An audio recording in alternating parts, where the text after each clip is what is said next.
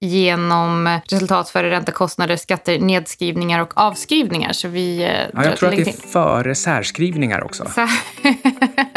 Eller det gäller kanske alla mått. Jättebra.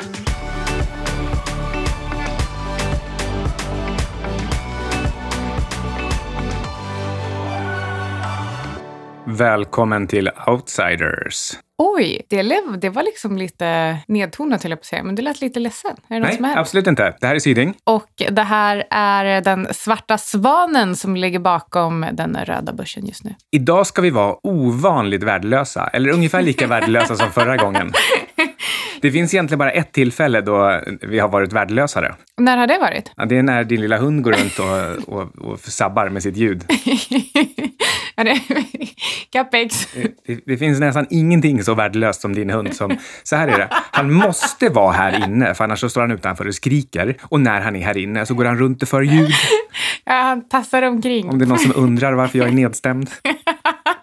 Okej, vi- så vi ska vara nästan lika värdelösa som Capex. Ehm, Men capex är faktiskt rätt eh, bra att ha. Alltså capex är ju det som bygger infrastruktur och, eh, och verktyg och fabriker. Sen varför han heter liksom precis, ja, varför han heter någonting så bra, det är väldigt märkligt. Men det jag egentligen tänkte på som var en, ett riktigt värdelöst tillfälle, det var när vi skulle träffas första gången. det var värdelöst. Det var en så kallad icke-date. Ingen räknade med att det här skulle vara en dejt. Nej, det var verkligen ingen dejt. Och, eh, Jag för, förberedde mig på ett väldigt speciellt sätt. ehm, genom att tänka så här. Okej, nu ska jag träffa en citat aktietjej, slutcitat. Och eftersom hon kommer vara intresserad av att köpa hm aktier och jag vet att de är, det är de ju alla. Ja, och eftersom jag vet att de är jättedyra så kanske det är bäst att jag faktiskt kollar upp vad de har för P tal också så att jag kan säga exakt hur dyra. Jag älskar också att du skulle tala om för den här aktietjejen då hur dyra H&M var för att jag nog skulle vilja köpa H&M så då kollade du upp ett, en värderingsmultipel. det var ganska värdelöst. Men eh, ja, vi pratade faktiskt inte alls om H&M. vi pratade om American Psycho istället. Så det var, var jag Mm, mer ja, vi, intresserad av. vi hann liksom aldrig riktigt dit. Jag hann lite surmulet konstatera det är kallt och, eh, ja, och snart ska vi prata om H&M en timme här ute. 24 för övrigt var det. P 24 tror jag. Det här var om någon vill kolla upp. så 10 var det augusti 10 2016. 10 augusti 2016 och, och redan då så var man ju gruvligt irriterad över hur dyrt H&M kunde vara. En annan sak som är väldigt, väldigt roligt med det här är att eh, när du berättade för mig för någon, ve- någon vecka senare att eh, du trodde att jag var någon aktietjej som ville prata om H&M's P-tal. Eh, så då, då hade ju varken någon av oss förväntat oss att det var någonting som vi skulle göra som yrke lite senare. Tillsammans dessutom i den här, i den här podcasten där vi har diskuterat H&M's P-tal oerhört mycket. Jag ber så mycket om ursäkt för det. Ja, det svänger väldigt mycket fram och tillbaka vad det är vi penetrerar.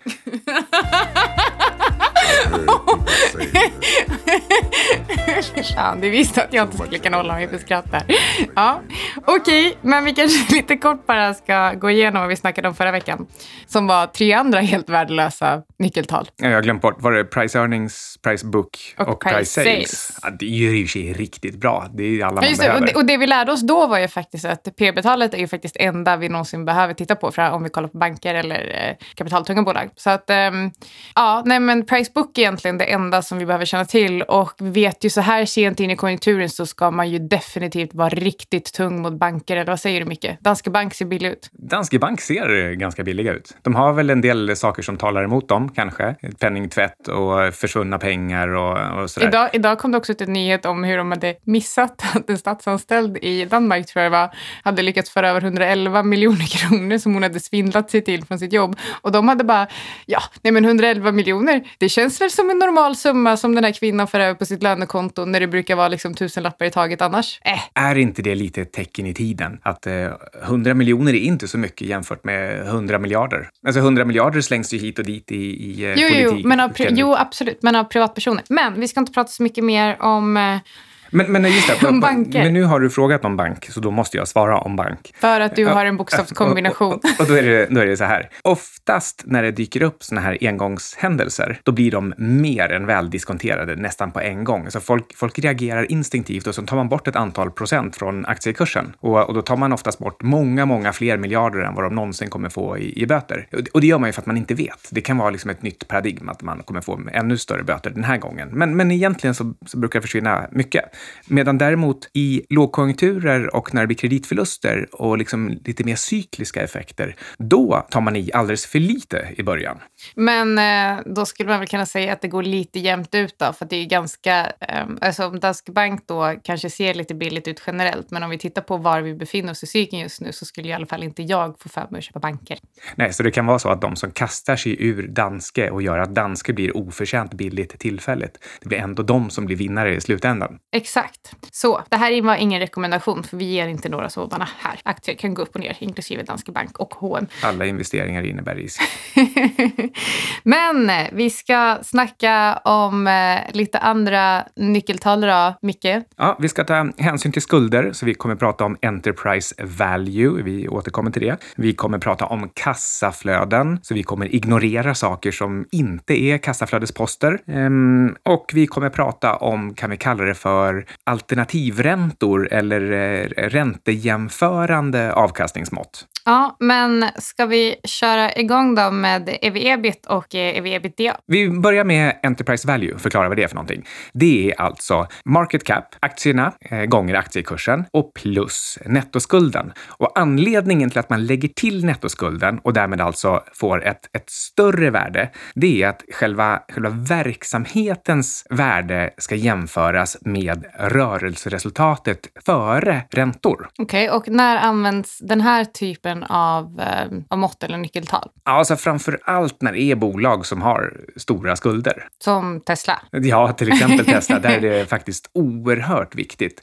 Och, och särskilt om, eh, om, om, kursen skulle, skulle falla en hel del. För ju längre ner mot nollan man kommer i, eh, i market cap, eh, det kan fortfarande vara så att enterprise value är riktigt, riktigt stort. Och, och, och eh, är man van vid att bara titta på till exempel PE-tal eller price sales-tal eller möjligen någon typ av så här price ebit, alltså market cap eh, i förhållande till ebit, då, då kan man eh, i vissa fall missa multiplar av värdet. Absolut. Så bolag med stora skulder. Men man brukar prata om att normalt är mellan 7 till 13 i ebit. Men det beror ju också helt mycket på, för det är ett ganska stort intervall. Ja, verkligen. Jag är inblandad i en del i onoterade bolag och då köper man ofta på ev-ebit 4 till 5. Det var billigt. Ja, man kan tycka det. Men eh, då, det, det kan vara att de är beroende av grundaren och det liksom är...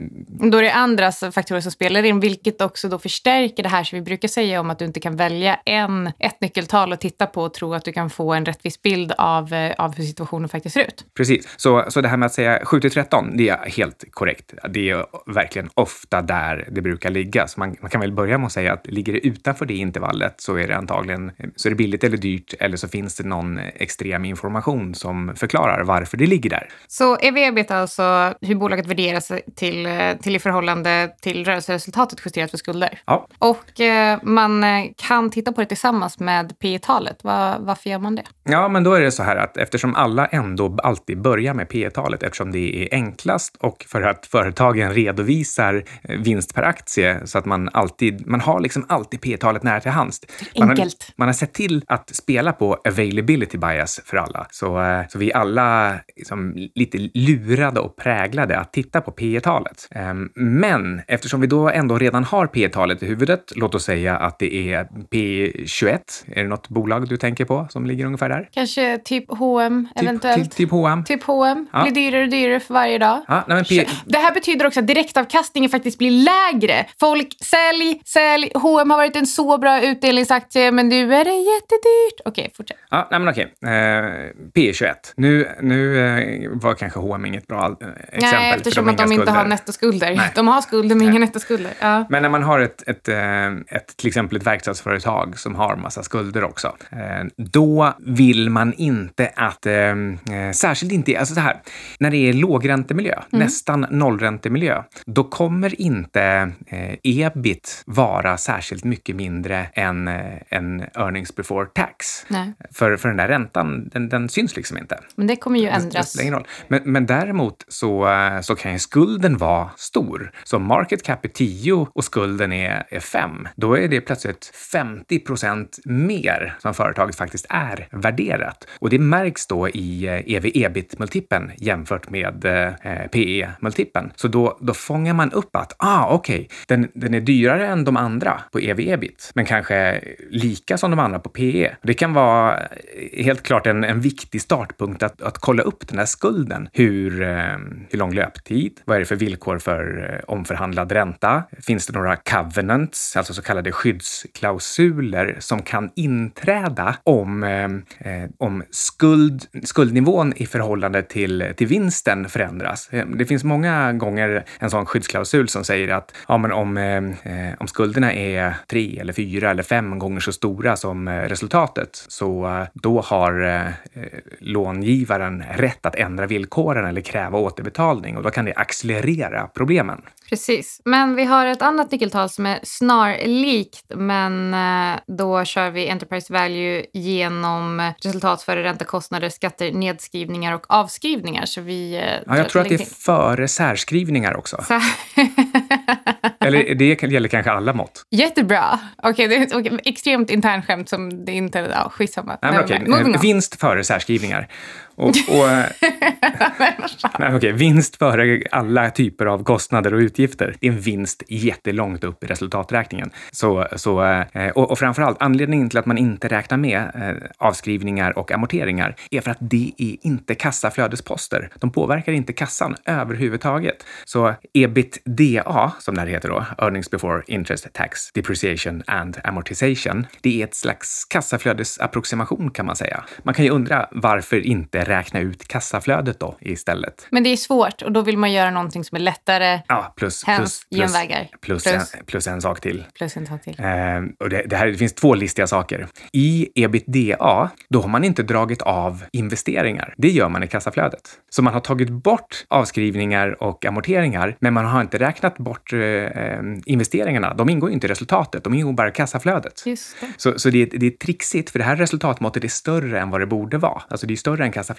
Och dessutom har man inte dragit bort skatten heller. Nej. Så jämfört med kassaflödet så är det här ett mycket större mått. Och, ska- det vill mäklarfirmorna att vi ska titta på. Och varför vill de det? Därför att då ser de billiga ut. Det här är ju ett större resultat. Jo, jag förstår. Men det är ju, det är, då är det ju också, då är det inte ens ett genvägsmått, då är det ett ljugmått. Ja, ja, ja. ja. Och Men det, varför, varför? Jag såg att det var folk som skrev på Twitter, där det var någon som frågade vad är dina favoritnyckeltal då? Och jättemånga som, sk- som skrev att det var just detta. ja, det är för att det ser billigt ut. Okej, så, så det, det, ja, det var ju någon annan som... Det, fin- eh, det finns ännu bättre. Det finns nämligen adjusted ebitda. ja, men sluta, jag orkar inte, jag får ont i huvudet. Och, och då, då är det att man har tagit bort alla typer av one-offs och så kan du definiera engångskostnader själv.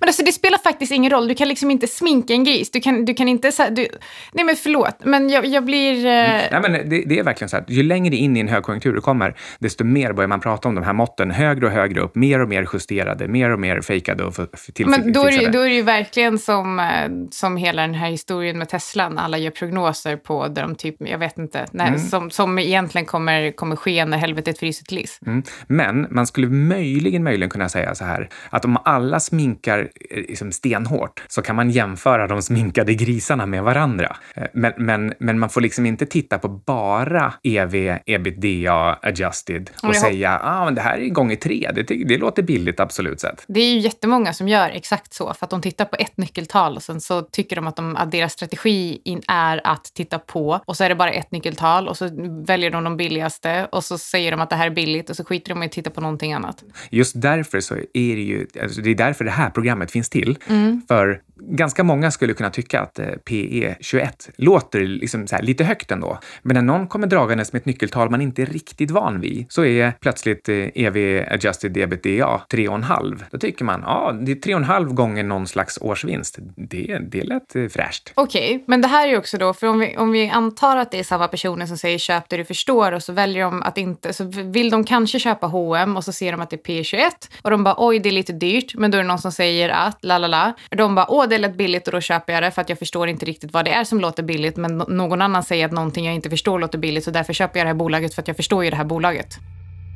Trust no one. Herregud. brukar jag säga. Okej. Okay. i- ja, huvudbudskapet här, här är helt enkelt att, eh, jag vet inte vad det är, men, men lita inte på folk som kommer dragandes med, med konstiga kombinationer som du inte själv är riktigt insatt i. Don't trust anybody. Kan vi gå vidare? Jag blev ledsen av det här. Ja, vi tar någonting som jag faktiskt gillar på riktigt. Det är price genom cashflow. Så jämför ett bolags börsvärde med sitt cashflow. Ja, för det här är som en slags ränta. Om, om, du, om du har en price cashflow på 20, då kan du, ta, du kan bara ta inversen av det, 1 genom 20, lika med 5 procent. Det är räntan du får. Du, du får liksom, det här är en slags ränta som bolaget skapar åt dig. Det är ett kassaflöde som kommer in av allting de sysslar med. Och det är, kassaflödet går inte att ljuga med. Det är, det är efter allting de har gjort. Visst, de kan skruva till sina kunder och säga ni ska betala tidigare och de kan skruva på eh, leverantörerna och säga vi betalar er senare. Men man, kan, man kommer liksom bara en viss bit på väg till, till alla skriker. Eh, och, och de flesta har redan gjort så mycket de kan på det här. Så, så det kassaflödet som faktiskt trillar in i kassan, det är ju ditt riktiga kassaflöde. Det är räntan. Det är ju som att få en lön. Och om den är 5% och det här är ett bolag som är hyggligt exponerat mot ekonomin, då är det dessutom en realränta. Så den här, den här räntan, den, eh, den ska du, eh, ja, man kan väl säga egentligen att du ska lägga på eh, en tillväxtfaktor också. Det, så snabbt som du tror att världen kommer växa realt. Som säger att det är 2 då. Så, så ett, ett price cashflow-tal på 20, som då alltså är 5% realt, det kanske är, kan räknas som en ränta på 7% nominellt. Snyggt. Och eh, ja, det är man ju faktiskt eh, inte helt missnöjd med. Fast alla nu för tiden vill väl ha minst, eh, minst 20 till 25 procent per år. Det där är ju märkligt. Ja, jag För vet. börsen handlas som om man är beredd på någonstans mellan 0 och 2 procents avkastning över tid. Och, och sen säger alla att man, att man kan inte vara nöjd med mindre än 10.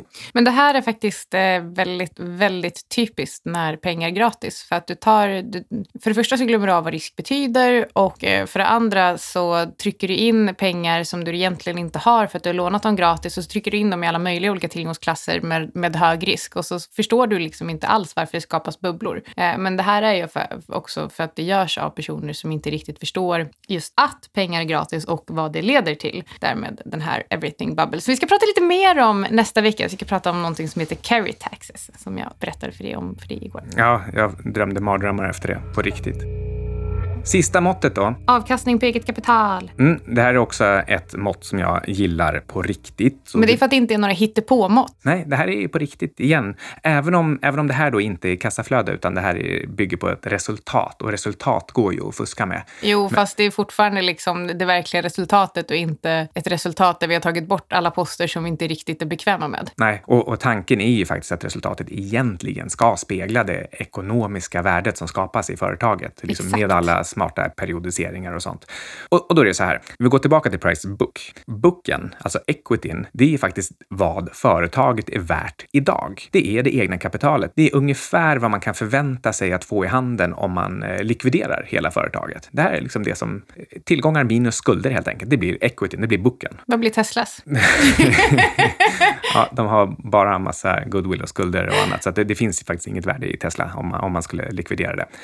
Ehm, men, och så har du då return on equity. Det är vinsten i förhållande till den här boken. Alltså så här, vinsten i förhållande till det värde som, som finns i företaget. Och då blir det en slags ränta på, på de här så, så att säga insatta pengarna. Som bolaget är värt tusen, alltså låt säga en miljard. Eh, och så gör de en vinst på hundra. Ja, det är som att de gör 10 procents ränta på pengarna som de har fått förtroende att ha. Eh, netto tillgångar, nettoskulder. Det låter ju också bra. Ja, så det här påminner lite grann om price cashflow. Det är bara det att det här är inte, det är inte riktigt riktiga pengar, för det är Men- inte cashflow. Men då kanske man kan, eh, kan använda dem i kombination med varandra. Ja, för då kan man se, okej, det ekonomiska värdet verkar vara att de avkastar 10 procent, alltså return on equity, men price cashflow, eh, ett genom price cashflow är 5 procent. Okej, skapa ett ekonomiskt värde på 10 procent per år, men på riktigt får vi liksom lägga tassarna på, eh, på 5 procent. Ja, då ser jag att det är någonstans mittemellan som, som det är på riktigt då. Så sju, typ. Ja. Ja. Och, och det här är ju reala siffror, Ja. Återigen då. Exakt. Så man kan plussa lite om det är så att man vill jämföra med någon, någonting man får på banken. Okej, okay, men så sammanfattningsvis då så tycker vi att eh, price cash, cash flow och eh, return on equity är eh, bra mycket bättre mått att titta på än EV-EBIT och EV, ebitda. Ja. men det beror vi, också såklart på vad det är för bransch. Men å andra sidan så jag, jag tycker att det är rätt nice när företag tjänar pengar. Och, och, och, det är också lite så här, alltså när vi tittar på price cash flow och return on equity, då kan man jämföra över branscher och över bolag, eh, över marknader eftersom de är på riktigt. Um, men då blir det samtidigt lite farligt för att man kan förledas att tro att man, att man faktiskt har sanningen och förstår. Det, det är fortfarande så att det här ska egentligen vara, eh, mätas över de kommande 25 till 50 åren och så, så istället så tittar man bara på ett ett par, tre år framåt eller bakåt. Så risken är att man lurar sig själv om man håller på med den här typen av de bästa, lite mer absoluta talen. Och, och därför vill man triangulera med alla tal man kan komma på för, för att eh, eh, jämföra rätt nyckeltal inom rätt bransch för att se om man är billigare eller dyrare än, än konkurrenterna, oavsett om det absolut sett är en bra nivå eller inte. Japp. Så. Ja, vi, vi eh, får inte glömma att, tacka Alex Marton för ljudet och ljudbehandlingen innan, innan vi avslutar. Undrar om han kan få bort Capex tass, tass, tass. Ja. Det läser sig. Um, det var allt för den här veckan. Nästa vecka ska vi gräva oss ner i pengatryckande och eh, vi ska framförallt snacka om eh, vad pengar är och varför det är det och pengar på olika sätt. Så vi ska prata, prata om hard and easy money eh, och eh, jag ska ragea lite på Fed. Det blir kul och då behöver inte jag prata så mycket heller. då har du lyssnat på Outsiders med Syding och Svan. Hej då.